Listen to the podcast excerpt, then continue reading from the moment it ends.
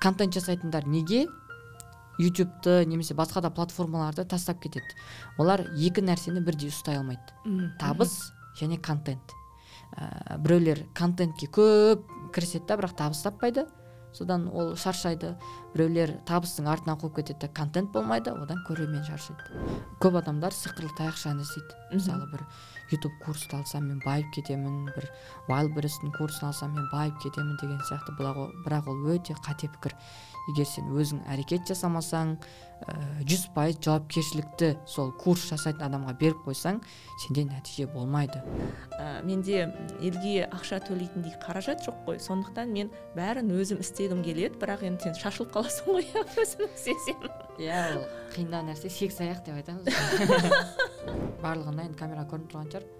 Егер аудио форматта тыңдап отырғандар болса яндекс там басқа платформаларда ютубқа кіріп көріңіздер. Ә, мен бірінші группадағы көзден зағип минусты плюсқа айналдыру деген нәрсе бар. Ә, кемшілігіңді жақсы жаққа айналдыру. Кез келген кемшілікті жақсы жаққа айналдыруға болады. Подкасттың жанры біріншіден осындай шынайылық талап етеді екіншіден біз, менің де мақсатым мысалы бәріміздің идеальный емес екенімізді көрсету. Сен де мен де бәріміз айтар ойымыз болса жасап көргіміз келсе жасап көруіміз керек. Ол үшін міндетті түрде саған жүз адам қызмет көрсетудің еш қажеті жоқ деп ойлаймын да. Давайте он мыңға жеткізіп бір ең көп қаралым жинаған подкасттардың қатарына енгізейік. Сәлем достар. Сіздермен бірге айнель әмірхан және менің авторлық подкастым ой детокс ой детокс ақпарат ағынында адасып кетпей ой сана тазалығын сақтауға көмектесетін подкаст. Бүгінгі эпизодта ә, біз YouTube жайлы сөйлесеміз және бұл тақырыптың қыр сырын ә, түсінуге оған бойлауға көмектесетін менің қонағым бекжан нурадин ә, YouTube TikTok продюсері. Дұрыс айттым ба? Ә, қайырлы таң күн кеш қай уақытта көріп отырсыздар құрметті көрермендер. Иә барлығы дұрыс. Ютуб тик ток продюсер. Иә. Біз ә, бекжанмен ә, мен ютуб курсына барған кезде танысқан болатынбыз. Ә, жаңадан ютубқа подкастымды шығара бастағанымда ойладым ютубтың алгоритмдері бар онымен жұмыс істеу керек деп екеуміз бір курсқа бардық. Сол кезде мен бекжан таңғалғаным. Меніңше сен біздің тренерден артық білмесең кем білген емессің. Иә үлкен рахмет. Негізі білім еш уақытта артық етпейді ғой. Әр уақытта барынша қандай жаңа сабақ шығып жатады қандай білім алаңдары болып жатады барынша қалмауға тырысамын. Ә, және де енді бұл жерде орта мысалға мен сол сабақта сізбен таныстым тағы да басқа мықты кәсіпкерлермен таныстым эксперттермен таныстым деген сияқты. Ә, нелер көп артықшылықтары көп бұндай сабақтарға барғанның. Мхм енді сені ютуб ә, продюсері деп жатырмын ғой иә? Сенің мысалы профиліңде инстаграмда жазылған мен бір аптада нөл теңгеден ә, ютуб арқылы отыз үш миллион доллар ма? отыз үш мың доллар. Иншалла миллион долларға иә. отыз үш мың доллар ә, пайда таптым дедің иә. Қалай ондай нәрсе мүмкін бе біздің қазақстан ютуб аумағында? Ә, негізі қазіргі уақытта ә, инфо бизнес деген сала бар ғой. Инфо бизнес деген ол ә, ақпаратты сату. Қысқаша айтқан кезде яғни өзіңнің біліміңді өзіңнің идеяңды сату. Ә, осы инфо бизнес саласы пайда болғалы бері ә, әртүрлі саладағы курстар өте көбейе бастады. Соның ішіндегі ең біріншісі енді ютуб саласы. Ә, ютуб саласында курс пайда болғалы бері ол жақта бір ақ нәрсе айтылады. Яғни мысалы монетизация деген нәрсе бар. Ютубта ол ә, ютубтағы просмотрдан ақша табу. Яғни мысалы ә, сіздер ютубтағы видеоны көресіздер. Видеоның алдында әртүрлі рекламалар шығады. Пропустить деген жазу бар жазу жоқ. Сол реклама шыққаны үшін авторға ақша төленеді. А, бұл жерде мен 33 мың долларды қалай таптым ол ә, монетизациядан бөлек өз қызметіңді сату деген ютубтың тағы бір ақша табу жолы. Яғни ютубтан өз қызметіңді сатып та ә, табыс табуға болатынын өзіме және де басқа да компанияларға дәлелдедім көрсеттім деп айтсам да болады. Енді бұл жолының монетизациядан артықшылығы неде? Монетизацияға қосылу үшін біріншіден ә, біраздан білетін шығар енді қазір. Мың подписчик төрт мың сағат ә, просмотр керек. А оны жинау негізінде оңай емес. Оған бір кемі бір ай екі ай уақыт кетуі мүмкін. Ал өз өніміңді сату ол оған нақты бір подписчик просмотр саны маңызды емес. Тек қана өзіңе қажетті аудиторияң болса сенің сені көретін сенің ақпаратыңа мұқтаж аудитория болса мың просмотрдан да миллион теңге жасауға болады. Енді мен сен айтып жатсың ғой оңай емес. Ә, бір екі ай деп айтқаның мысалы менің жүрегіме не дейді анау пышақ сұққандай болды да себебі мен ә, ютубта ә, сәуір айынан бері белсендімін. Мысалы қанша ай өтті? Төрт ай өтті иә бес айға жуық уақыт өтті. Осы уақыт аралығында мен мысалы үш жүзден астам ғана ә, подписчик жинай алдым. Күнде айтамын достар жазылыңыздар көр, көрсеңіздер міндетті түрде жазылыңыздар себебі бұл енді мен ым, жаңағы просмотр арқылы ақша табуды көздеп отқан адам емеспін ғой. Бірақ сонда да ә, жаңағы мың адамды жинасам маған әжептәуір ол да бір мотивация беретін нәрсе болар еді. Неге мен жинай алмай жатырмын? Ә, сіздің салаңыз бұл негізі ә, узкий специализация деп жатады ғой. Ә, өйткені мысалға ә, кез келген ә, ютубта жоба жасаған кезде тез танылудың екі жолы бар. Біріншісі өзің атақты адам болу медийный личность дейді екіншісі атақты адамнан сұхбат алу. Ал сіздің каналыңызда мен байқадым негізгі бір бағыт бар да яғни адамдарға пайдалы ақпарат беру пайдалы болу деген сияқты. Мысалы біреудің жеке өмірі біреудің бір хайп темасын қозғау деген сияқты нәрсе бұл жақтар жоқ. Енді бұның артықшылығы бұл жақта тек қана осознанный дейді ғой саналы ә, сізге болашақта үлкен пайда әкелетін ә, платежеспособный аудитория жиналады деп сеніммен айта аламын. Мхм болашақта бір нәрсе сатуым керек қой енді оларға. Иә бірдеңе сатсаңыз да болады болмаса бағана өзіңіз айтқандай мысалы негізі патреон тенейшн алертс деген сияқты сервистер бар ғой. Сол сервистерді қолдануға болады. Қазір көп ютуберлер закрепленный комментарийға каспи голдтың данный қойып қояды. Иә иә. Каналды қолдаған кезде осыған сал деген сияқты. Без комиссии рахат. Таза табыс түседі. Мысалы енді қазақстанда қазір 12 енді шын өтірігін білмеймін бұл статистиканы мен де интернеттен алдым. 12 миллион YouTube қолданушысы бар дейді. Яғни біз енді өзіміз қанша 19 миллион халық болсақ соның басым бөлігі ә, ютубта отырады деген сөз. Иә? Ә, неге 12 миллион деген статистика шықты? Себебі ә, біріншіден қазақстан әлемдегі топ 10 ютубты ұзақ көретін елдердің қатарына кіреді статистикада. Уақыт жағынан. Мысалы бағана айттық қой ә, время просмотров деген уақыт сағаты. Қазақстан әлемде ең көп ә, сағат көретін адам елдердің қатарына кіреді топ 10 ол қалай? Мысалы бізде ә, телевизор ютуб тв жақсы дамыған. Мысалы кез келген отбасыға барсаңыз бір үйлерге барсаңыз өзіңіз үйіңізде телевизор болса қазір адамдар ә, телеарналарды қарамайды. Ютубтан бір бағдарламаларын өзінің сүйікті қойып қояды. Ол енді кішкентай балалардың еңбегі зор. былай айтқанда ол нәрсеге. Yeah. Иә. өйткені олар ә, ютубтан мультфильмдер көреді оны мысалы телеарнадан көргеннен гөрі ютубтан көрген оларға ыңғайлырақ. Мхм ютуб тв бізде өте жақсы дамыған көп елдерге қарағанда. Бұл статистиканы сондықтан шындық ретінде айтуға болады.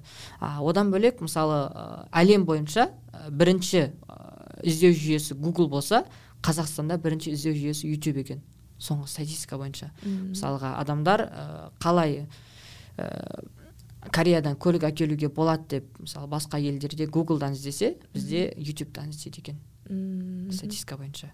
Мысалы мен өзімде бір өзіме қажетті ақпарат болатын болса қазір гуглды қарамаймын ютубты қараймын. Өйткені ютубта ә, видео болады ә, видеода ақпаратты қабылдау оңай чем мақала ә, текст оқығаннан гөрі қиын ба? Ютуб бастаған? Мысалы менің ә, маған анда санда съемка жасайтын досым илья айтады айнель ә, сен қатты басыңды қатырасың телефоныңмен ақ түсір де сала бер себебі ең негізгі нәрсе контент дейді да картинка емес оның сапасы емес сен беретін ақпарат дейді ал маған енді мен телефонға да түсіріп саламын арасында бірақ мен осындай мысалы подкастты студияда жазғанды ұнатамын қандай да бір видеоны оператормен жазғанды ұнатамын. Бұл жерде шын мәнінде картинка маңызды емес тек қана контент маңызды ма немесе екеуінің де рөлі орасан зор ма? Ә, снг бойынша нөмір бірінші техноблогер бар вилсаком деген білетін болсаңыз айфон барлық техникаларға бірінші болып видео түсіреді. Ә, сол жігіттің осы тақырыпта арнаған видеосы бар. Обратная сторона YouTube деген. Ә, сол видеосында айтады ол. Егер сен ютубты бастайтын болсаң ә, қатты бағанағы кісі айтқан сияқты ә, картинка маңызды емес онша қатты дейді. бірақ та дыбыс маңызды дейді. Өйткені мысалы ә, дыбысы жақсы видеоны тыңдап көруге болады. Ал ә, дыбысы жақсы бірақ мынай бейнесі нашар видеоны тыңдап көруге болады картинасы нашар видеоны. Ал дыбысы жаман бір качествосы 4к видеоны ол көру мүмкін емес. А бірақ та егер мүмкіндік болып жатса барынша ә, картинаны да аудионы да жақсы жазған дұрыс. Өйткені адамдар әртүрлі болады. Біреу визуально қабылдайды ақпаратты біреу ә, дыбыстарды есту арқылы қабылдайды ақпаратты. Әркімге әртүрлі әсер етеді ақпарат. Мен бекжан мен мынау темппен қашан мың адам жинаймын? Не істесем болады. Ә, енді негізі бағана айтқандай ә, бұл жерде аудитория ә, яғни негізінен ең негізгі көп адамдар қолданатын нәрсе ол бағанағыдай қонақ. Мысалы сіздің форматта қонақ. Э, атақты қонақтармен э, қазіргі уақыттағы актуальный қонақтармен ә, сұхбат алу арқылы сіз каналыңызды бірнеше ә, есеге ә, көтерсеңіз болады статистикасын. Енді бірақ та бұл жақта тағы бір енді атақты адамдардан бөлек тағы да бір инструменттер бар. Мысалы өзімнің практикамда қолданатын ең негізгі инструмент бағана айтылып кеткендей тик ток тик токтың ең негізгі ерекшелігі тик токтың алгоритмі басқа әлеуметтік желілерден өте ерекше. Мысалға сіз ютуб жүргізіп жатсыз ютубқа қаншама видео салдыңыз бірақ ютуб өзі сіздің видеоңызды рекомендацияға шығармайды. Иә ал тик токтың ерекшелігі егер сенің видеоң қызық болса ә, тик токта енді адамдар тек қана лента листать етіп отырады ғой. Сол кезде басындағы үш, үш секундта адам ұстап қалсаң тик токта просмотр жинау өте оңай. Оған дәлел менің миллион просмотр жинаған видеом бар тик токта а оны мысалы пайдалануға болады. Мысалы сіз де қазір пайдаланып жүрсіз ғой. Мысалы подкасттардың әртүрлі видеолардың ә, отрывоктарын тик токқа салып ә, видеоның соңында мысалы ә, видеоның толық нұсқасы айнель әмірхан ютуб каналында деген сияқты ә, адамдарды іс әрекетке шақырып ютубқа трафик тартуға болады. Мен бірнеше каналды солай ә, статистикасын көтердім. Яғни біз жарнамаға ақша салған жоқпыз ақшаны жай ғана производствоға салдық видео производствоға тек қана видео түсіріліміне монтажына ғана кетті. Ал каналдың статистикасын көтеруге ешқандай ақша жұмсаған жоқпыз. А, бұл жақта енді бағанағы мысалы каналдың да историясын айтсам болады. Ол жақта мысалы бізде визовый центр болды. Ә, кореяға қалай баруға болатынын ә, кореяға адамдарды жинайтын. А, ол жақта ютубқа видеоны шығардық. Сол видеоның үзінділерін тик токқа салдық бір бесінші ма алтыншы ма видео атып кетті. 300 мың просмотр жинады. Ол 300 мың просмотрдан примерно 500 адам ютубқа өтті. Ол 500 адамның примерно бір 300 адамы видеоны соңына дейін көрді. Оның 100 адамы видеоға лайк басты. Оның 25 адамы комментарий қалдырды. А ютубтың алгоритмі қалай жұмыс жасайды тек қана ютуб емес барлық әлеуметтік желінің көрермен видеоны жай ғана қарап қоймай көрерменнен әрекет болу керек. Мысалы көрермен видеоға лайк басу керек көрермен комментарий қалдыру керек көрермен каналға тіркелу керек. Ал бізде осы үш талаптың да барлығы орындалды. Сондықтан YouTube ол видеоны рекомендацияға шығарды. Ә, яғни мысалы видеода іс әрекетке шақыру міндетті түрде керек. Каналға тіркел каналға лайк бас комментарий қалдыр деген сияқты. Ол өте қатты рөл ойнайды. Тик ток өте мықты инструменттердің бірі деп айта аламын. А, егер мысалы сіз менде бюджет бар дейтін болсаңыз инстаграм таргетті де қолданып көрсеңіз болады. Көптеген YouTube проекттер инстаграм таргетті қолданады. Инстаграм таргеттен ютубқа өткізуге болады. Оның артықшылығы ол жақтан таргетті дұрыс жіберу арқылы нақты өзіңізге қажетті аудиторияны жинауға болады. Мхм сізге қандай аудитория керек сол аудиторияны жинап сол аудиториямен жұмыс жасауға болады. Мхм. Мен- мен өзім негізі тек қана тик токпен ғана жұмыс жасаймын. Бағанағыдай оның артықшылығы артық шығын құртпайсың. ә, каналдың статистикасын көтеруге былай айтқанда маркетингке ә, және де жақсы нәтижесін береді. Және сенде қосымша тик токта да аудитория болады. Иә иә. Мен де сенің кеңесіңмен тик токқа шыққан болатынмын. Ыыы және осы уақыт аралығында мысалы анализ жасайсың ғой кеше де бір шарада таныстарыммен кездесіп қалдым да осы контент жасайтын. Ыыы және тик токтың қыр сырын талқылап жатырмыз енді бәріміз контент жасайтын болғаннан кейін бізге де қызық қой. Ыыы сонда айтады да мен айтамын да мен менің аналитикама сәйкес тик токтан ютубқа переход енді менің жағдайымда өте аз. Көбінесе телеграмға олар өтіп жатады. Адамдар мен телеграм арнамды да көрсетіп қоямын екеуін кезектестіріп. Ал бірақ өзім байқағаным мысалы тик токтан ютубқа переходтар өте аз болды. Мүмкін мен дұрыс емес механизмдерді қолданып жатқан шығармын адамдарды қызықтыра алмай жатқан шығармын. Иә енді бұл жақта біріншіден видео ә, видеоның просмотры маңызды. Мысалы ә, видеоның просмотры көп болған сайын өтетін адамдардың да саны көп болады. Бұл енді түсінікті жағдай. Ал Мм. мысалы менің өзімнің кейстарымда мысалы миллион просмотр жинаған видеодан тик токқа бір мың адам екі мың адам өтті.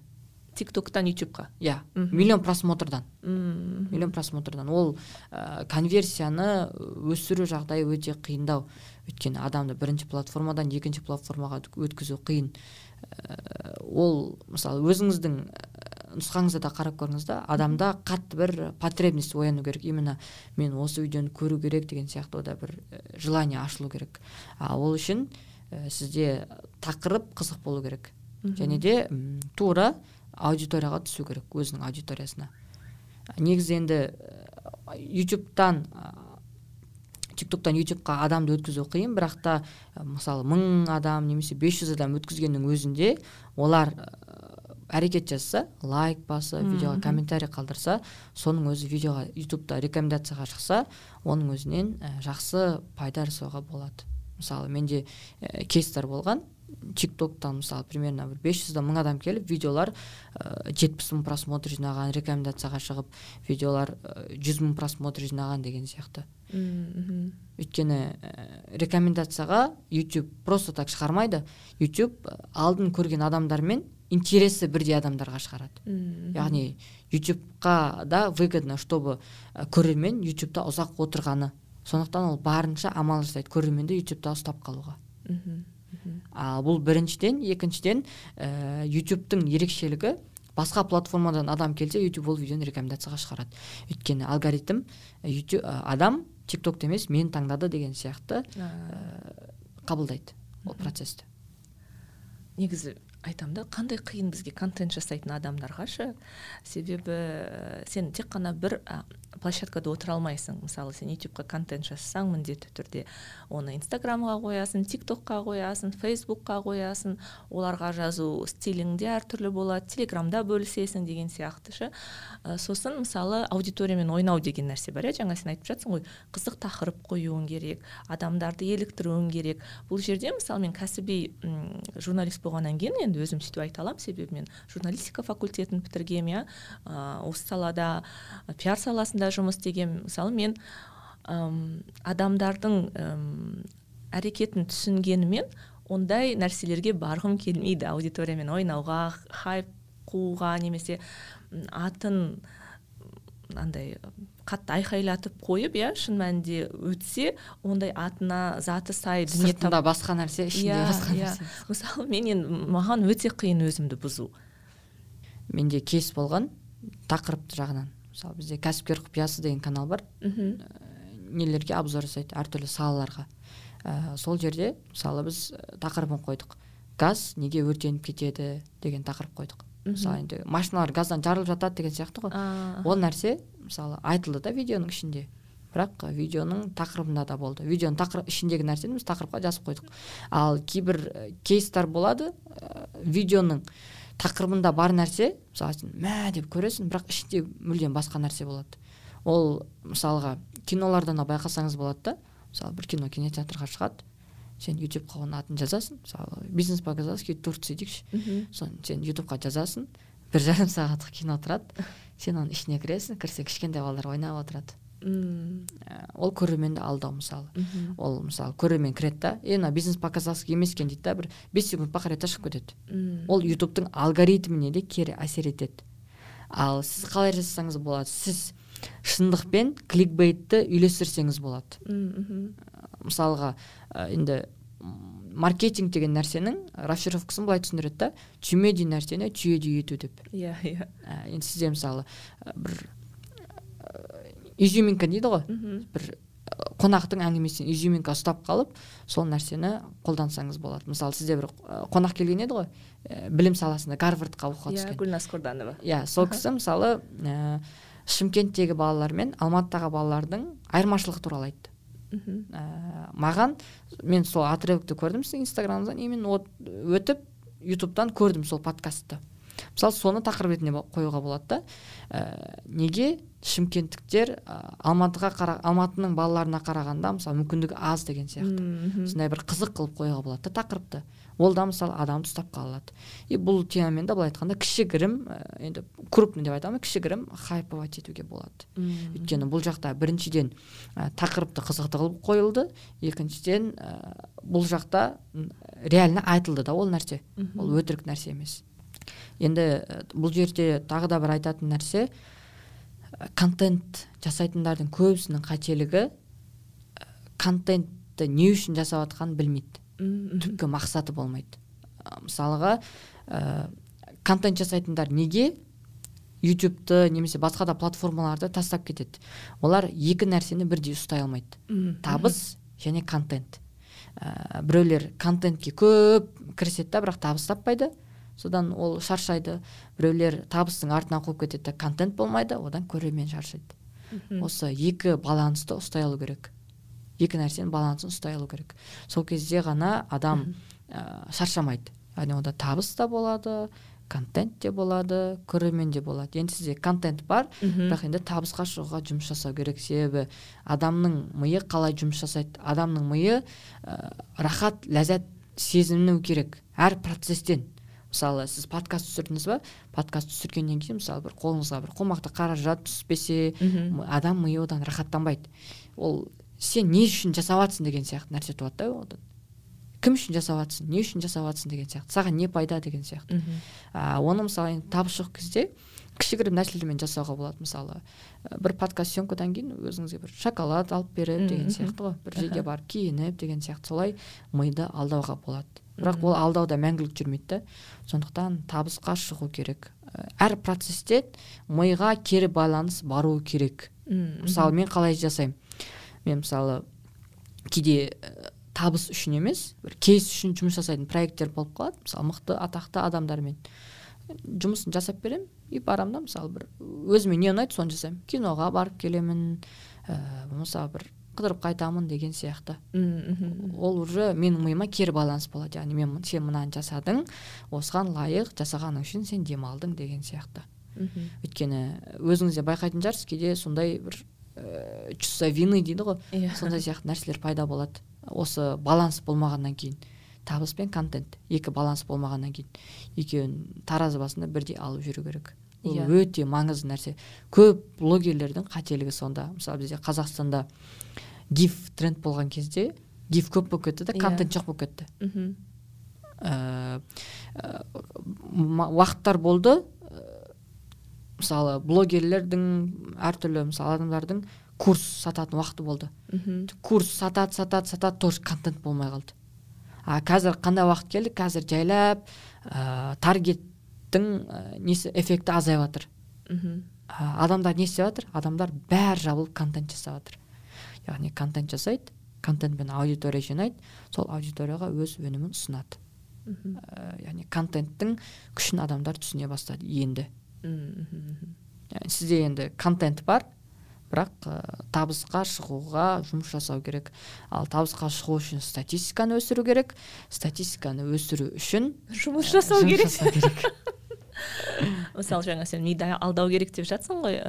Екі үш күн бұрын мысалы фейсбукта ә, менің подкастымда қонақта болған жұлдыз төлеу комментарий жазады а пост жазады да яғни айнельдің подкасттарын тұрақты түрде тыңдаймын деп мысалы ә, сіздерге де кеңес беремін деп немесе қатал редактор деген бізде телеграм арна бар ол өзінің айнельдің подкасттарын бәрін тыңдап шықтым керемет деген сияқты пікірлер айтса сен анау жаңағы суға түсіп бара жатқан салыңды қайтадан жинап аласың құдай ау біреу көреді екен ғой біреу ә, іздейді екен ғой күтеді екен ғой деп осындай осындай жылы сөздер айтып жатыр ғой дейсің да қайтадан өзің күшіңді мобилизовать етіп не істесем екен кімді шақырсам екен? дейсің. Енді шын мәнінде тіпті адамдар жазылып жатса маған лайк басып комментарий қалдырып ә, статистикама кірген сайын бір екі адам жазылды дегеннің өзі мен үшін үлкен ол бір мотивация беретін нәрсе да. Иә енді қараңыз бұл жақта сіздің жасап жатқан дүниеңіз ол көрерменге пайдалы нәрсе қазақ ютубында негізінен ютубта өте аз жасалатын нәрсе. Бірақ та тек қана енді пайдалы ақпарат бердім деген сияқты нәрсеге де жұмыс жасауға болмайды да. Ол мысалы табыс әкелу керек пайда әкелу керек ол нәрсе. Өйткені ол біріншіден уақыт қайтарылмайтын ресурс.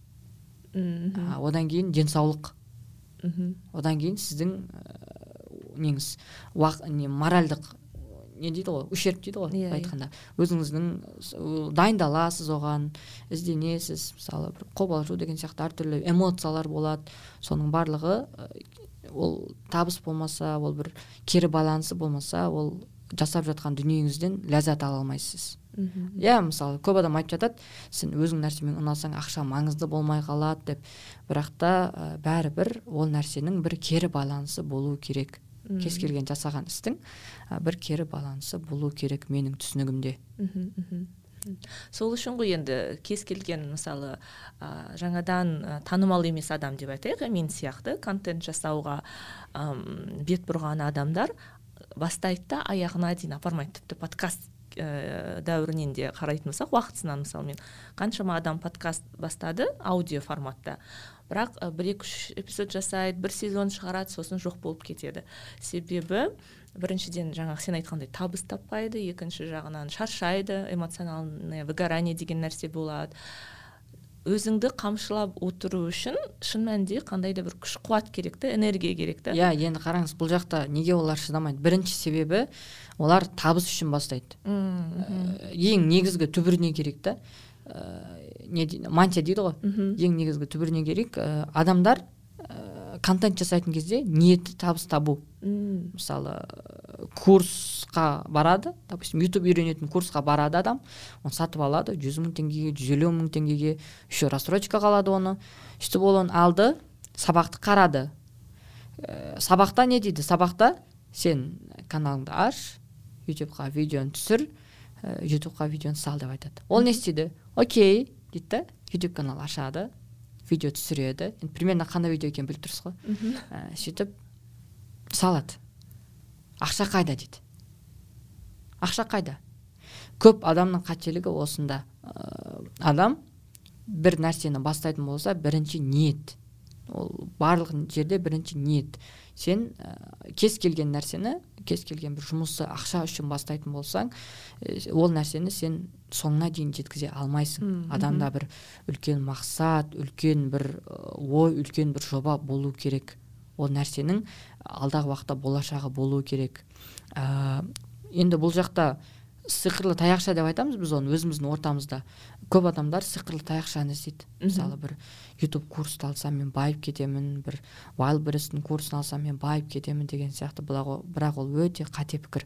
Егер сен өзің әрекет жасамасаң жүз пайыз жауапкершілікті сол курс жасайтын адамға беріп қойсаң сенде нәтиже болмайды. Ең негізгі нәрсе көп адамдар қателесетін жеке жауапкершілік.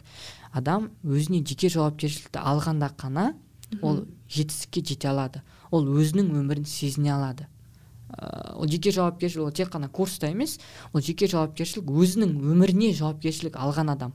Мысалы мен не істеп жатырмын? деген сұраққа жауап бере алатын мен қайда бара жатырмын? деген сұраққа жауап бере алатын адам ол жеке жауапкершілігін өмірдегі сезіне алған адам. Ә, жеке жауапкершілікке не кіреді? Жеке жауапкершілікке мысалы ол өзіне ә, не істегісі келетінін біле алатын адам не үшін жасап жатқанын біле алатын адам да. Ал бағанағы мысалы курсқа жазылды адам курсты қарады адам. Бірақ ә, мен неге жасамай жатырмын? Басқалар жасап жатыр ғой мен де жасай аламын мен жасауым керек деген сияқты ой болмайды. Ей мен саған жүз елу мың теңге бердім ғой кәні ақшам деген сияқты бүйтіп хан болып отырады да. Сол жеке жауапкершілікті сезінгенде ғана ә, адамдарда нәтиже болатын еді. Бірақ та жеке жауапкершіліктен ә, бөлек адамдарда бір, тағы бір нәрсе бар. Адамдар ә, еңбекқорлық деген нәрсе бар. Ә, енді жалқаулық деген нәрсе бар бірақ жалқаулық деген нәрсе негізі жоқ нәрсе деп есептеймін мен. Өйткені ә, адамда екі ақ нәрсе бар. Адам өз шешім қабылдайды да мен жасаймын жасамаймын деген. Мысалы просто отыратын адам жоқ қой өмірде. Иә. Ештеңе істемей отыратын адам жоқ қой. Бәрі бірдеңе жасап отырады ғой. Мысалы ә, бір телефон қолыңа алып бір тик ток листать етіп отырғанның өзінде бір қимылдайсың ғой сен. Иә. Әрекет болады ғой сенде. Қолыңды қимылдатасың бір ақпарат қабылдайсың деген сияқты ше. Ал, ал жұмыс жасағанда да тұр адамда әрекет болады. Ә, ол жалқаулық деген ол дұрыс емес әрекет деп түсінемін да мен ол сөздің мағынасын негізгі мағынасын. өйткені әрекет жасамайтын адам болмайды. Мхм өйткені ол ойдың өзі мысалы бір орында тұрмайды ғой. Адам ойланады. Жалқаулық ол дұрыс емес әрекет.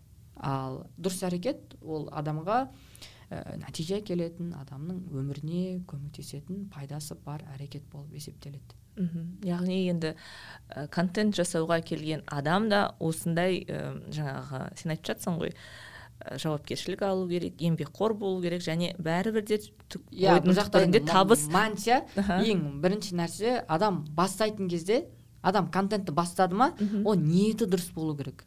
Сен не үшін жасап жатсың ол контентті? Сен ақша үшін жасап жатсың ба? Айтайын максимум үш ай шыдайды ол. Одан артық шыдамайды. Өйткені ол уже ә, несі бітті күші бітті. Оның ә, мақсаты жоқ. Әрі қарай не үшін жасауға деген ол мақсат жоқ. Ол табыс болмады болды уже кетті ол. А, көп адамдар мысалы көп мықты блогерлерді қарасаңыз олардың бір ә, бір қызық тарихы бар да. Не үшін блогқа келдім деген сияқты.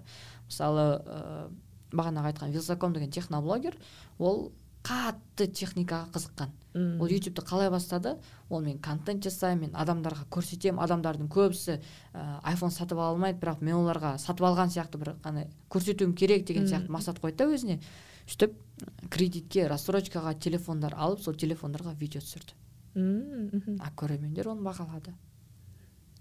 Ол тәуекел етті ол өзінің мақсатына жетті.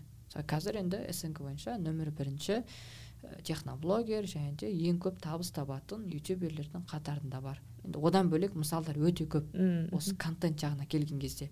Мысалы бізде қарапайым ғана өзімізде қуат ахметжанов деген ағамыз бар диктор. Мхм ол кісі әртүрлі тақырыптағы аудио кітаптарды әңгімелердегі үзінділерді болмаса қызық бір фейсбукта жазылған посттарды алып өзі оқып ютубқа жүктейді. Ол кісі карантин уақытында адамдарға пайдалы болса екен деп сол нәрсені бастады. Қызық әңгімелерді бастады мысалы. Ә, неге қайтыс болған адамның киімін киюге болмайды? Мм. Қызық тақырып па? Қызық yeah. Иә. тақырып. Неге түнде тырнақ алуға болмайды? Неге түнде алуға болмайды? қызық тақырып. Алдыңды қара мысық кесіп кетсе не болады? Иә. yeah. қызық тақырып. Ол кісі не істеді? Мысалы мынандай нәрсе бар да бізде. Ә, мысалы бізге ата анамыз айтады да түнде тырнақ алуға болмайды дейді. Неге десең себебін айтпайды солай дейді болды. Солай сол дейді болды. Ал ол кісі оны ашып берді. А ол кісі сол видеосы бес жүз мыңдай просмотрение да мысалы. Ол кісі тура точкаға түсті. а ол кісі тарихтағы сондай бір қызықты әңгімелерді дәстүр туралы қызықты әңгімелерді оқып береді. Оған сұраныс бар. Біріншіден ол кісі ниеті дұрыс болды. Ә, мен адамдарға көмектесемін пайдалы ақпарат беремін көкейдегі сұрақтарына жауап табуға көмектесемін деген сияқты. Ә, екіншіден ол кісі жалқауланбады ол кісі контент жасады. Ол кісі мысалы табысқа бір екі айдан кейін ба үш айдан кейін ба шықты. Қалай табысқа шықты? Жаңағы қаралым үшін ақша тапты ма? Иә ютубта монетизацияға қосылды.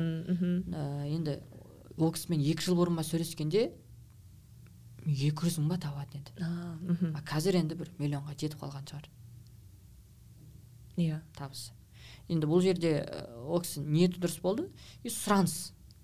Тағы бір ескеретін нәрсе. Мысалы ә, контент жасайсың бірақ контентіңді көрермен көрмесе ол қызық емес та көрермен көретіндей контент жасау керек. Яғни үш нәрсе ниет болу керек ә, бір еңбек болу керек сенің әрекет болу керек. Сол сенің жасап жатқан контентің сұранысқа ие болу керек. Мхм сұраныс болмаса ол уже керек емес нәрсе да. Мысалы өзің үшін контент жасай берген жақсы бірақ кері байланыс болмаса енді. Мысалы енді сенің қызметің қандай? Сен ә, өзіңді ютуб продюсермін тикток продюсер тикток продюсер дұрыс қой иә? Дұрыс айтып иә ма солай айтуға да болады. Сен қандай қызмет атқарасың? Мысалы егер мен ютубқа шығатын кезде бекжан не істеймін? деп саған келсем менің әрекетім басқаша болар ма еді? Ә, мысалға ә, жаңа жобаларды мен қалай бастаймын? Мысалы маған енді көбінесе бізде эксперттер болады. Яғни эксперт ол белгілі бір саланың маманы. Ол кісі келеді де айтады. Мен ютубқа кіргім келеді. Мхм. Не үшін кіргіңіз келеді? Ә, жаңа өзімнің курсы бар адамдар болады көбінесе енді бір өнімі бар өнімімді ұсынатын жаңа канал ретінде ютубты пайдаланғым келеді дейді. Ә, біз сөйлесеміз де уже распаковка личности болады ол кісі ютубқа не бере алады? Контент қандай контент жасай алады? Ә, ол кісінің нишасы саласы көрерменге қызық па? Сол нәрсені зерттейміз. Егер ол талаптардың барлығына сай келетін болса ютубта аналитика жасаймыз бір сұраныс бар болатын болса ол кісімен жұмысты бастаймыз. Ә, менің жұмысыма не кіреді? Менің жұмысым ә, видеоның мысалға ә, ютубта ең маңызды нәрсе контент.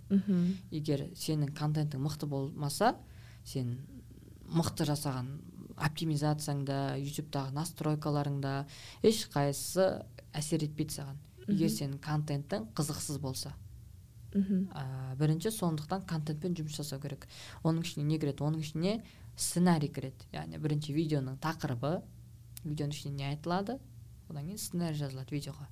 А сценарий жазылғанның өзінде ол жақта ә, ютубта ең маңызды нәрсе удержание аудитории деген нәрсе бар. Мхм яғни удержание аудитории деген ол көрерменнің видеоны ә, көру ұзақтығы. Мхм көрермен сенің видеоңды ә, көру ұзақтығы елу пайыздан жоғары болса сен корольсің ютубта. Иә. Ә, негізгі екі статистика осы яғни видеоның ұзақтығы және де CTR CTR деген ол видеоның обложкасының адамдардың басу статистикасы. Ә, осы аудитория дұрыс болу үшін біз видеоны сценариймен жұмыс жасаймыз. Сосын видеоны түсіреміз. Енді бюджетке қарай менің енді бір эксперттермен жасалатын проекттер көбінесе мобилографиямен жасаймыз. Қазір телефонның мүмкіндігі өте көп. Бірақ та мен қазір барынша сол осындай камерада студияда түсірілім жасайтындай жобаларға жобалармен жұмыс жасауға әрекет жасап жатырмын. Өйткені оның бір ә, процесі аурасы мүлдем бөлек. Ә, одан кейін біз видеоны түсіреміз түсіріп болғаннан кейін ютубқа жүктейміз. ютубқа жүктеген кезде бағана айтқандай біз жұмыстың басында анализ жасадық. Соған байланысты қызықты қылып тақырыпқа видеоны жаздық түсірдік. Енді оның тақырыбын жазамыз. Яғни тақырып бірден бір рөл ойнайды адам видеоны көру үшін. Одан кейін біз обложка жасаймыз. Мысалы обложкада ә, қызықты бір тақырып болу керек. Адамды ұстап қалатындай. Егер бағана CTR деген статистика осы обложкаға байланысты видеоның бетіндегі суретке. Осы статистика жоғары болса удержание аудитория жоғары болса сенің видеоң жүз пайыз рекомендацияға шығады. Мхм Ә, обложканы жасаймыз видеоның атын жазамыз описаниясын толтырамыз тегін толтырамыз. Полный настройкаларын жасаймыз да видеоны открыт доступқа жібереміз. Бірақ ол видео өзімен өзі бағана сиқырлы таяқ деген сияқты аспаннан ақша келмейді. Аспаннан бір миллион просмотр бола салмайды. Біз ә, ол видеоның продвижениясына кірісеміз. Яғни біз бағанағыдай тик токқа саламыз ол видеоны. Ә, ол кісінің инстаграмда аудиториясы бар болса инстаграмды қолданамыз. Барынша былай айтқанда таратамыз. Видео открытый доступқа шыққаннан кейінгі алғашқы сегіз сағатта барынша осы шеткі яғни ютубтан бөлек платформаларға таратқан ә, өте қатты әсер ет, өте жақсы әсер етеді видеоның рекомендацияға шығуына. Яғни барынша видеоны бөлісу керек. Мхм қысқаша менің жұмысым осы. Иә көп адам келе ма? Негізінде ә, қазақстанда мамандар өте аз. Мхм осы YouTube саласын білетін YouTube саласында жақсы жұмыс жасайтын мамандар өте аз. Сондықтан сұраныс бар. Сұраныс өте көп. Бірақ та ә, көп адамдар енді білмей жатады. Мысалы ә, YouTube менеджер деген мамандық бар екенін оны бір адам жүргізетінін біле бермейді да. Мхм. Мысалы менде бір жақында бір қызық кейс болды. Адамдардың бұл сауаттылығы да былайша айтқан кезде. Ә, мысалы олар өздері жұмыс жасаймын деп ойлайды. Ә, өздері жұмыс жасап келе жатады. Бірақ та ә, дұрыс ақпараттарды дұрыс білімі болмағаннан кейін ютуб тоқтатады немесе ә, бір өзінің қателіктері болады. Мхм мысалы ютубта ең не нәрсе? Ең бір ерекшелігі авторлық құқық қатты қорғалған. Мхм. Мысалы біреу сенің инстаграмдағы видеоңды алып ютубқа салып қойса сен оны өшіре аласың. Мхм менің инстаграмнан алды деп өшіріп тастауға болады. Ал бұл жақта енді көп бағана айтқандай қателік кейс деп айтып жатқаным атақты адамдар. Мысалы көптеген ә, өнер қайраткерлері ә, мысалы инстаграмнан тікелей эфирге кіреді Мгм. басқа да инстаграмға контент жасайды вайндар салады. Соны басқа адамдар ютубқа салып а просмотр жинайды табыс табады. Бірақ та ол адам оны ютубта бар екенін біледі бірақ оны өшіруге болатынын білмейді. Мхм бұл да ә, сауаттылық. Яғни егер ол адам сауатты болған кезде ол толығымен заң жүзінде барлық видеоларды өшіріп өзінің каналына салып өзі сол арқылы табыс таба алатынын білетін еді. Оны жасайтын еді. Бұл енді өте маңызды нәрсе ғой былай айтқан кезде қазіргі уақытта. Авторлық құқық және де сауаттылық. Енді бізде көбінесе қаржылық сауаттылық деген нәрсе енді қазір тренд болып жатыр ғой. Иә. Сол сияқты адамдарда ә, медиа сауаттылық әлеуметтік желідегі сауаттылық деген нәрсені де ә, білген дұрыс. Өйткені егер адам сауатты болатын болса ол ә, барлық әлеуметтік желіде бар ғой қазір. Мгм. двухэтапный аутентификация деген иә нәрсе. иә. Сол нәрсені қолданатын еді. Егер адам ә, сауатты болатын болса барынша мысалы өзінің негізгі қажетті ә, электронный почтасын мысалы бір жерлерге қоймайтын еді. Мысалы біз енді көп айтылатын нәрсе мысалы YouTube каналы тіркелген электронный почтаны барынша открытый доступқа жібермеу керек. Қауіпсіздік үшін. Мысалы әртүрлі бір коммерциялық ұсыныстарға деген сияқты басқа почтаны қолданған дұрыс. Мхм сол сияқты бір өзінің базовый адам білу керек ә, сауатты болу керек нәрселері бар. Осы нәрселерді қолданған өте дұрыс. Мхм. Сонда ол адамдардың кінәсі не болып тұр? Олар өздерінің контентін жасайды. Мысалы тек қана инстаграмда отыратын болса иә салады. Бірақ басқа ыыы гуглға кіріп немесе ютубқа кіріп менің видеом бар ма жоқ па деп тексермейтін де болып тұр ғой иә? Ә, тексермейтіні де бар Ха. және де бағанағыдай білмейтіндігі де бар. Мына өзінің құқығын қорғау туралы. А яғни сол жерде біреу пайдаланып кетсе мен оны өшіре аламын деген нақты білім болмай тұр ғой. Иә. иә. Иә, мейлі иә. бола берсін дейді. Иә мейлі бола берсін. Ә, бәрібір инстаграм өзіме жетіп жатыр ғой деген сияқты.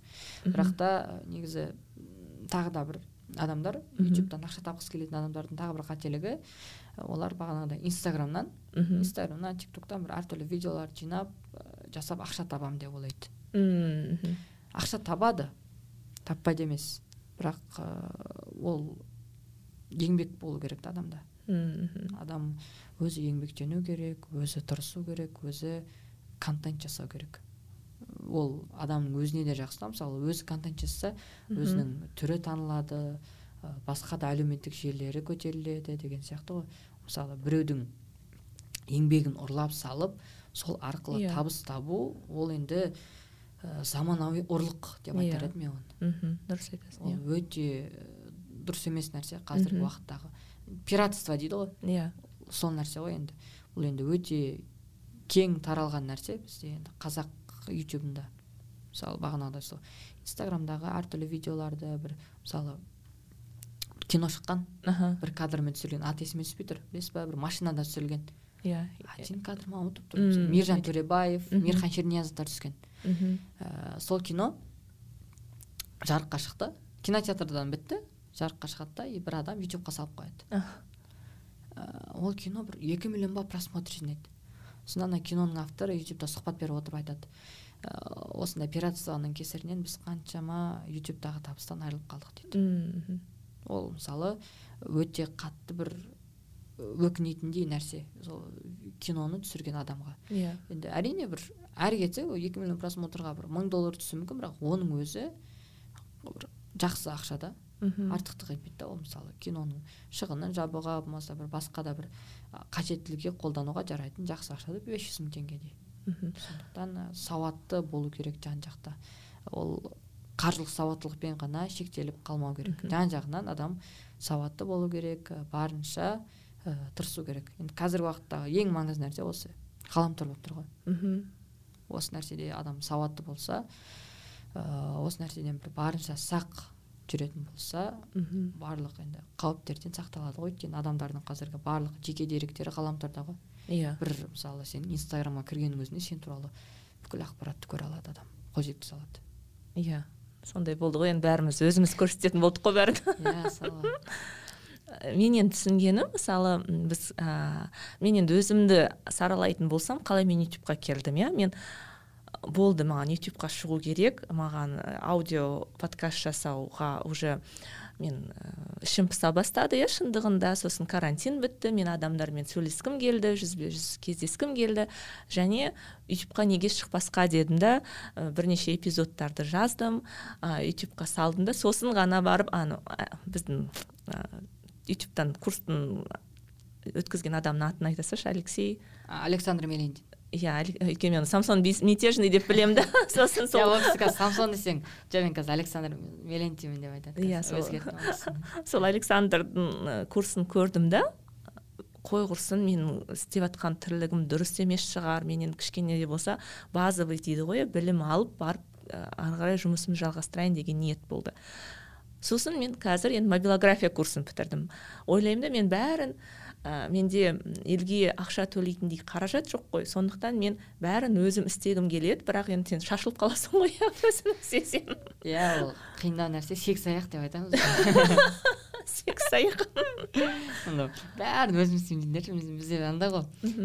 Кәсіпкерлер бар да который өзі таргет жібереді иә. өзі клиентпен сөйлеседі өзі қызметті өзі көрсетеді сегіз аяқта ол келіп жатқан табыс бар да. Мысалы айына бір миллион теңгеден астамайды да бірақ ол.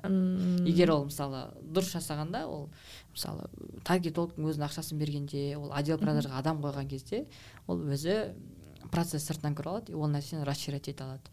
Бірақ адам әрі кетсе ол бір миллион екі миллион бес миллион таба алады одан артық бір миллион долларға шыға алмайды ол. Сондықтан енді сен маған кеңес беріп жатсың ба солай? Сегіз аяқ болмаңыз деп. Негізі солай жасаған дұрыс та.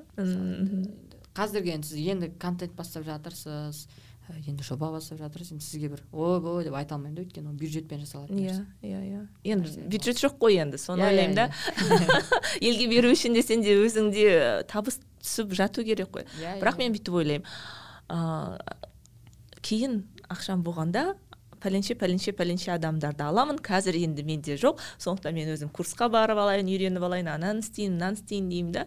Ыыы бірақ мен енді бойымдағы бір қасиеттердің бірі мысалы мен мобилография курсына бардым да өзіме жоспар жазып қойдым.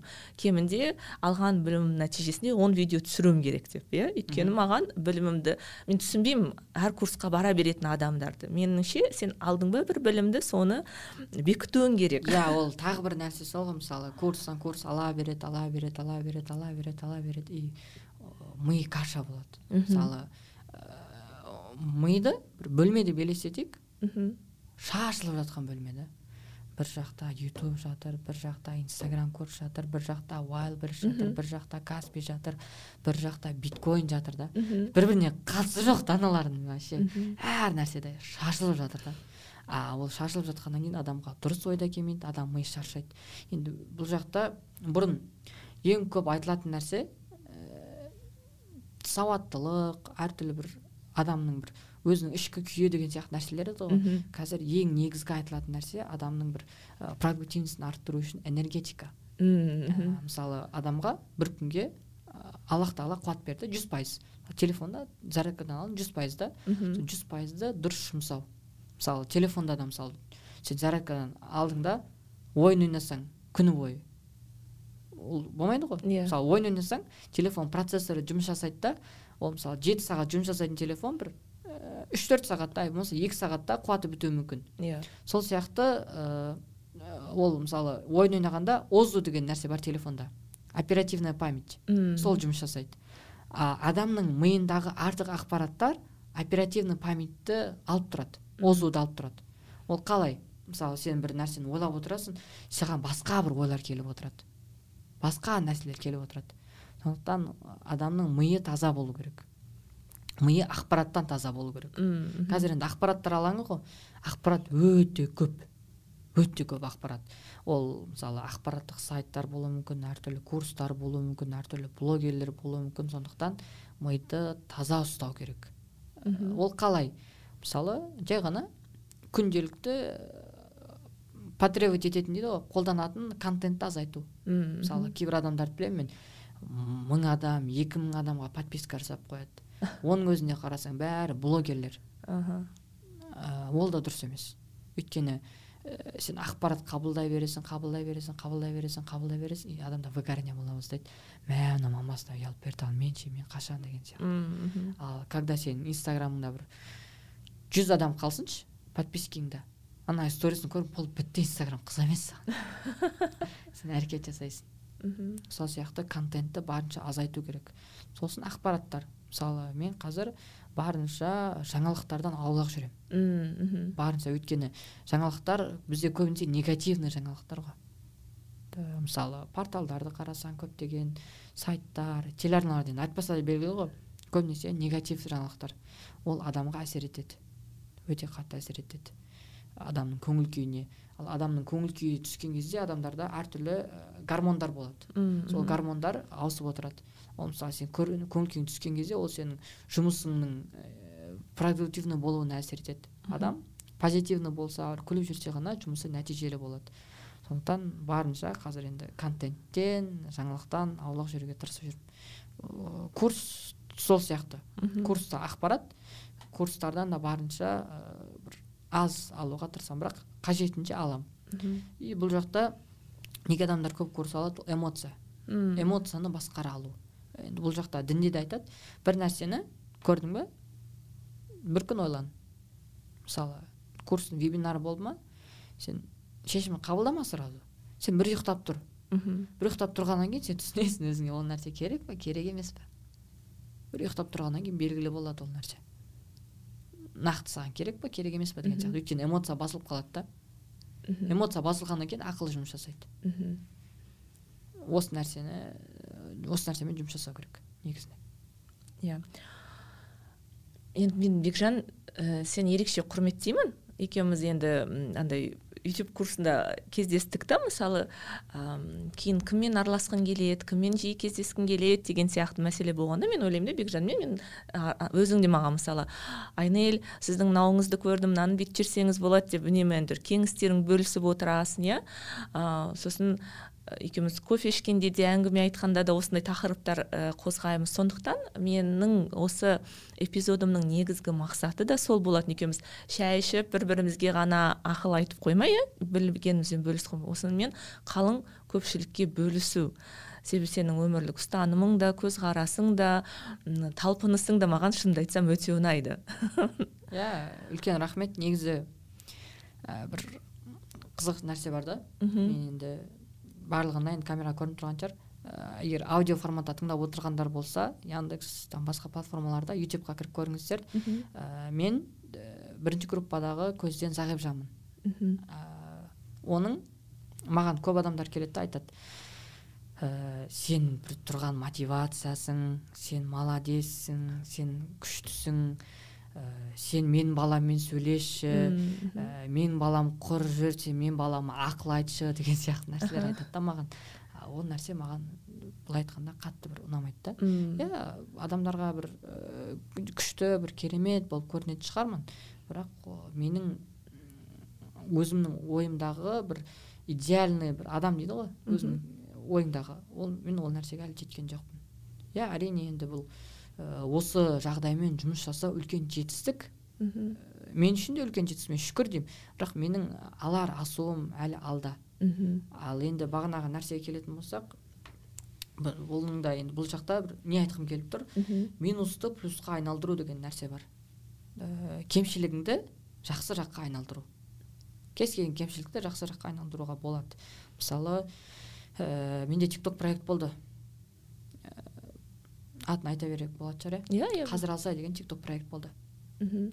Олар копия airpods там apple watchtармен сатумен айналысатын компания. Мм. Көшірмелерін сатады да. Мхм. Оригинал емес. Сөйтіп мен өзім ұнайды маған сондай нәрселер андай телефон туралы ақпараттар айту там қашан айфон он төрт шығады ios он алтының қандай функциялары бар айфонның бір қандай фишкалары бар деген сияқты тема ұнайды маған кәдімгідей. Сөйтіп сен осындай темада бізге тиктокқа контент жасап лицо бол деді. Мхм. Окей дедім. Ә, бізде негізі мектепте жүрген кезде басқа бір сахналарға барған кезде қара очки таққызатын еді. Мм. Сол кезде кәдімгі ашуланады едік мә неге олай? Бәрібір белгілі ғой деген сияқты ше. Мхм. Кімнен типа тығыласың деген сияқты. Сөйтіп очки вообще естен шығып кеткен. Ви- сөйледім түстім видеоға. Шатаспасам бірінші видео. Ә, face id кәдімгі айфондағы face id жүйесі бар ғой бетпен Иә, блокировкада ашатын соны маскамен жұмыс жасайтын. Настройкасы бар. Былтыр алған еді. Типа енді бір жерде жүрген кезде там телефон қолдану үшін масканы шешіп керек емес деген. Мхм. сол видео шығады сексен просмотренный еді ғой. Бір күнде.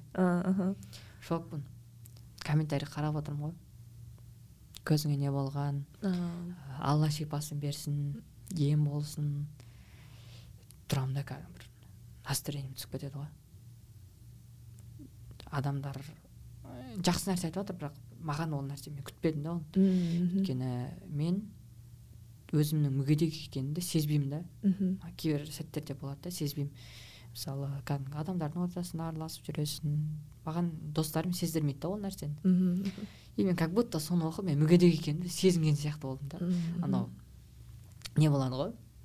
Қайырымдылыққа адамдарға үй бірдеңе сыйлайды ғой. Сол кезде оның жағдайын көрсетеді ғой сондай сияқты чувствода болып қалды мхм. типа өзім бір қайыр сұрап шыққан адам сияқты. Сөйтіп. Он видео түсіріп қойғанбыз. Шықты он видео. Шықты? Кетті. Бір видео бір үш жүз мың ба просмотр жинады арасында. Сөйтіп көшеде жүрсем е сен тик токтағы бала емессің ба? мәссаған бір қуанып кеттім да. Мхм. сөйтіп уже жайлап адамдар көшеде тани бастады. Тани бастады и маған уже идеялар келе бастады. Мысалы қалай осыны жасауға болады деген сияқты.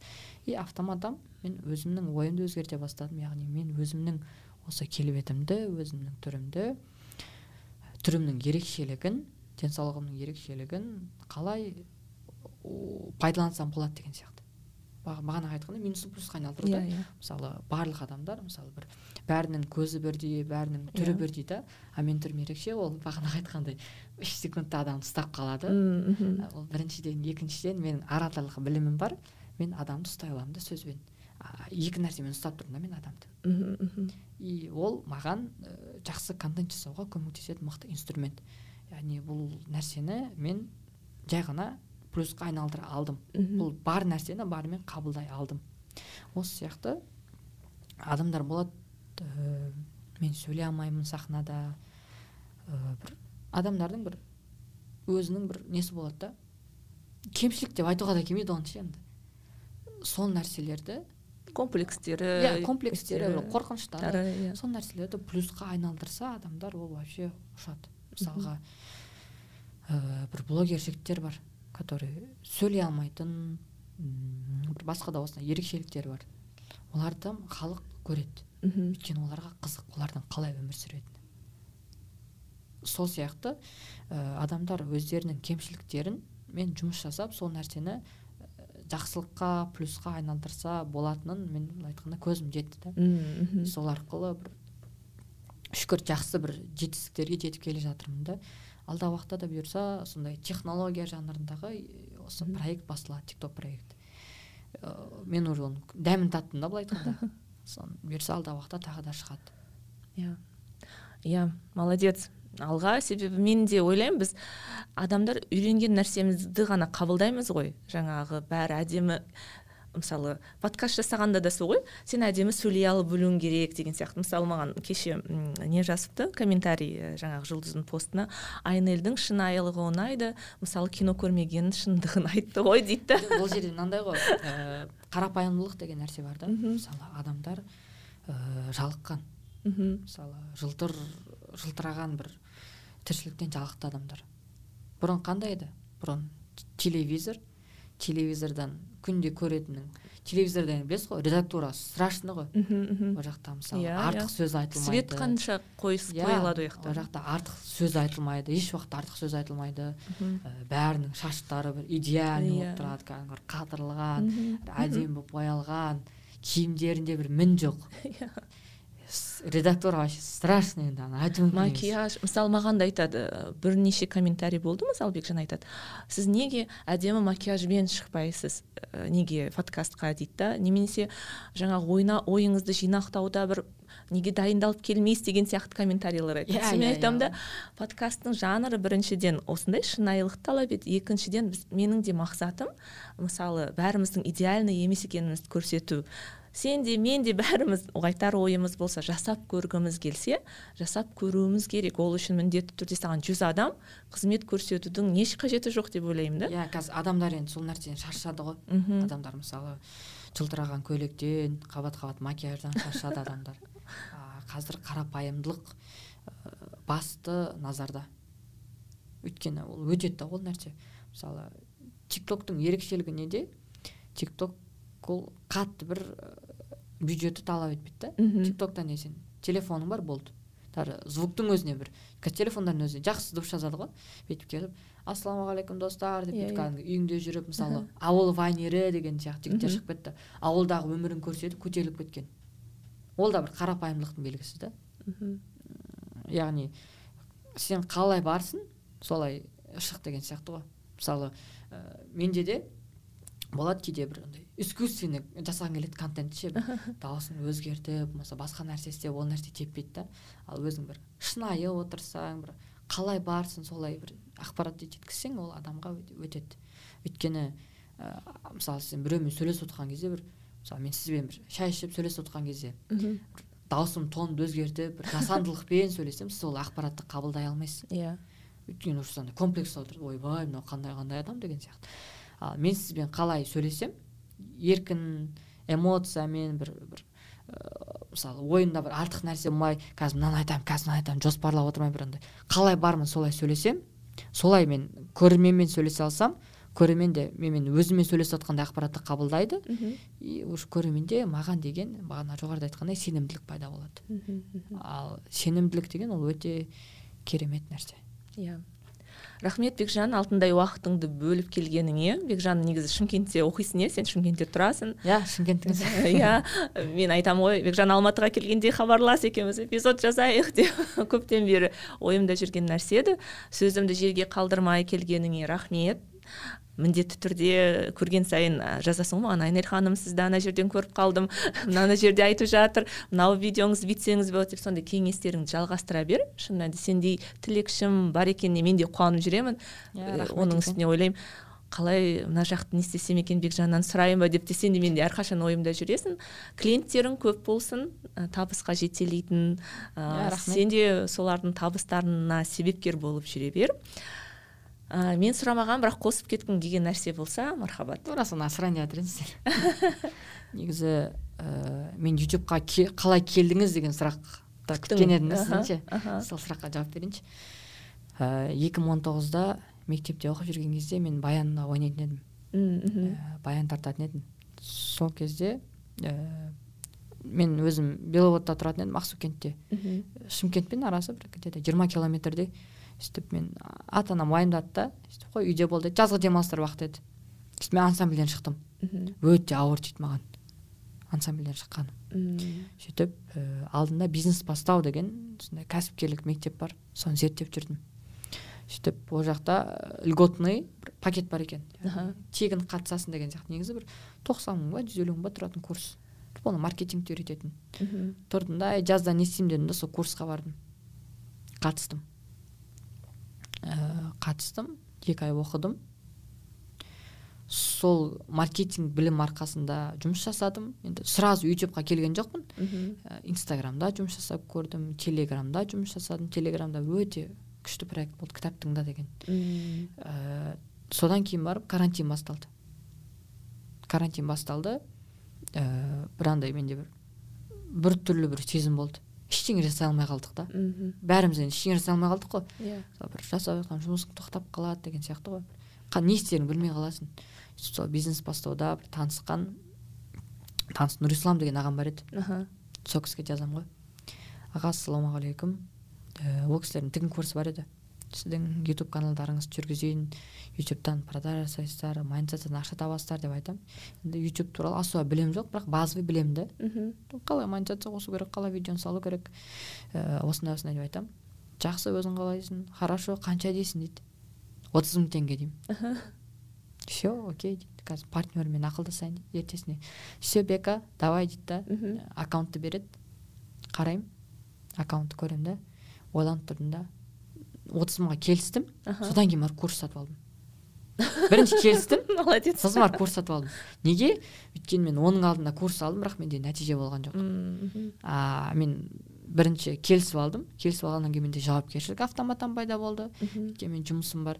Одан кейін курс сол тематикада курс алғаннан кейін менде уже жүз пайыз жауап бір нәтиже болатынына мен сенімді болдым. Сөйтіп не істедім мен? Жұмыс бар курс бар. Істейсің болды. Басқа ештеңе жоқ. Өйткені карантин жаз бір андай мазалайтын ештеңе жоқ та сенде. Сөйтіп ба күніне сегіз тоғыз сағат ютуб үйренемін күніне сегіз тоғыз сағат. Кәдімгі үш төрт сағаттық форумдарды көремін. Ә, ютубтағы полный орыстардың видеоларын көріп шығамын там как продвигать видео бәрі тақырыбын жазамын көремін. Сол курсын алып алғанмын марафон алып алғанмын оның өзі үш мың теңге отырады. Соны көріп шығамын. Сөйтіп. Бірінші обед отыз мың теңгемді аламын ғой. Кәдімгі қуанамын ғой. Нәтиже бар да тұрдым да қайтадан ол ақшаны курсқа салдым. Сөйтіп уже ол каналда нәтиже бола бастады. Кәдімгідей подписчик өсе бастады ютубтан ақша түсті ә, адамдар ютубтан келіп курстарды сатып ала бастады. Сөйтіп өзіме де ұнай бастады процесс. Ә, и бұл жақта айтқым келген қорытынды ә, әрбір өмірде болатын оқиғаны бір жамандық деп айтуға келмейді енді бір қиындықты жақсы жағынан қабылдай ала, ала білу керек. Мысалы мен ансамбльден шықпаған кезде ол кезде мен ә, ютубқа келмейтін едім. Мен карантин болмағанда ютубқа келмейтін едім. Мен инстаграмнан мысалы инстаграмда менде кейс болды инстаграм тоже проект алғанмын. Сол кезде екі мың он тоғызда инстаграмнан мысалы проект алдым. Детский киім сататын еді. Ол кісіден киім алып мамаға апарып бердім. Мама енді мұғалім ғой. Иә. Сол анау неле коллегаларына айлыққа дейін деп берді. Анау е сен есің дұрыс па? Менде оборот болу керек маған ақшаны сразу әкеліп бер деді. Сөйтіп ол да провал болды. Инстаграм провал болмағанда мен инстаграмда қалайтын едім да мысалы. Сөйтіп телеграмға келдім. Телеграм каналда аудио кітаптар еді. Аудио кітаптар авторлық құқық бермеді. Телеграмнан шықтым. Сөйтіп карантин болды сосын ютубтан шықтым. Мысалы былай айтқанда менде сондай бір провалдар болмағанда мен ютубқа келмейтін едім да. Мысалы менде кәдімгідей ансамбльде жүргенде онымен де табыс таба алатын едім сонымен кететін едім. Инстаграм жүргенде онымен кететін едім деген сияқты. Сондықтан әр өмірде болған бір сәтсіздіктерді келеңсіздіктерді жақсы жағынан қабылдай алу керек. Бұған мысалы енді бір күшті әңгіме бар. Бір хан болады. Сөйтіп хан соғысқа барып келеді. Соғыста қолынан айырылады. Сөйтіп хандығына келеді да отырады. Уәзірі қарайды да эх бұның да бір қайыры болар дейді. Ананың қолы жоқ ашуланып отыр. Тұрады ей сен есің дұрыс па? дейді ана зынданға тастаңдар дейді. Сөйтіп уәзірін зынданға тастайды. Кейін уәзірі зынданға кетті. Келесі күні хан аңшылыққа шығамын дейді. Сарбаздармен аңшылыққа шықты. Сөйтіп қарақшылардың қолына түсіп қалады. Ә, барлық қарақшылар, қарақшылар енді құл базарға сатамыз дейді да барлық сау адамдарды бүйтіп жинап алады да. Ханға келген кезде ханның қолы жоқ қой. Хан тастап кетеді бұл бізге жарамайды деп. Хан өйтіп бүйтіп сүйретіліп сарайына жетеді. Сөйтіп келіп орнына келіп ойланып отырады да. Эх осы уәзірдің айтқан сөзінде бір жаны бар екен дейді да уәзірін зынданнан шығарады да. Ә, айтады. Сенің айтқаның өте рас екен осындай осындай болды деп. Сөйтіп уәзір тұрады да. Хан ием егер сіз мені зынданға тастамаған кезде мен денем сау олар мені алып кететін еді дейді да қарақшылар. Сол сияқты ә, әрбір келеңсіз жағдайлардың барлығын ә, жақсы жағынан қабылдай алу керек шыдамды болу керек төзімді болу керек. Әр бір келеңсіз жағдайдың артында бір үлкен жеңіс тұратыны ол белгілі нәрсе. Ол дәлелденген нәрсе. Мысалы бағанағыдай барлық блогерлердің де историясын қарасаңыз бір мықты жетістікке жеткен стив джобс билл гейтс басқа да бір мықты үлкен жетістікке жеткен адамдардың өмірін қарасаңыз да олар үлкен қиындықтан келген үлкен қиындыққа шыдаған және де сол қиындықтан ә, нәтиже іздеген нәтиже үшін жұмыс жасаған адамдар. Сондықтан барынша шыдамды болу керек адам төзімді болу керек қиындықты қабылдай алу керек. Иә. Осының арқасында былай айтқанда ютубқа келдік. Күшті күшті. Мотивация беретін пайдалы ақпарат беретін әңгімең үшін рахмет бекжан. Ә, құрметті достар осымен ой детокстың кезекті эпизоды аяқталды. Міндетті түрде маған жазылмаған болсаңыздар жазылыңыздар. Жаңа ғана бекжан айтқандай оның мен үшін пайдасы өте зор. Ә, сондықтан сіздердің бірнеше минуттарыңызды ғана алатын сосын сіз тағы бір нәрсені айтпадыңыз ба нені айтпадым барынша подкастты таратыңыздар. Ватсап группаға жіберіңіздер. Туысқандар класстастар группаластар бәріне жіберіңіздер. Мынау пайдалы подкаст болды ютуб туралы айтылды тик ток туралы айтылды. Барынша барлық группаларда бөлісіңіздер. Инстаграмға сторисқа салыңыздар. Ә, максимум бөлісіңіздер. Иә максимум. қосыңыз. Максимум бөлісіңіздер. Бекжан айтты мен айтатын нәрсенің бәрін. Құрметті достар осымен ой детокс аяқталды. Жаңа бекжан айтқан мен айтқан әрекеттердің бәрін жасаңыздар бірлесе. Менің подписчиктерімнің ютубтағы санын арттырайық. Қаралымды ең көп қаралым қанша қазір ең көп қаралым үш мыңға жуық той туралы. Давайте он мыңға жеткізейік. Давайте. О қандай челлендж? Давайте он мыңға жеткізіп бір ең көп қаралым жинаған подкасттардың қатарына енгізейік. Барынша. Енді мен өзім тик токтың алгоритмін білемін барынша салып тастаймын тик токқа отрывоктарын бұйырса мынандай әдемі музыка қойып фонға.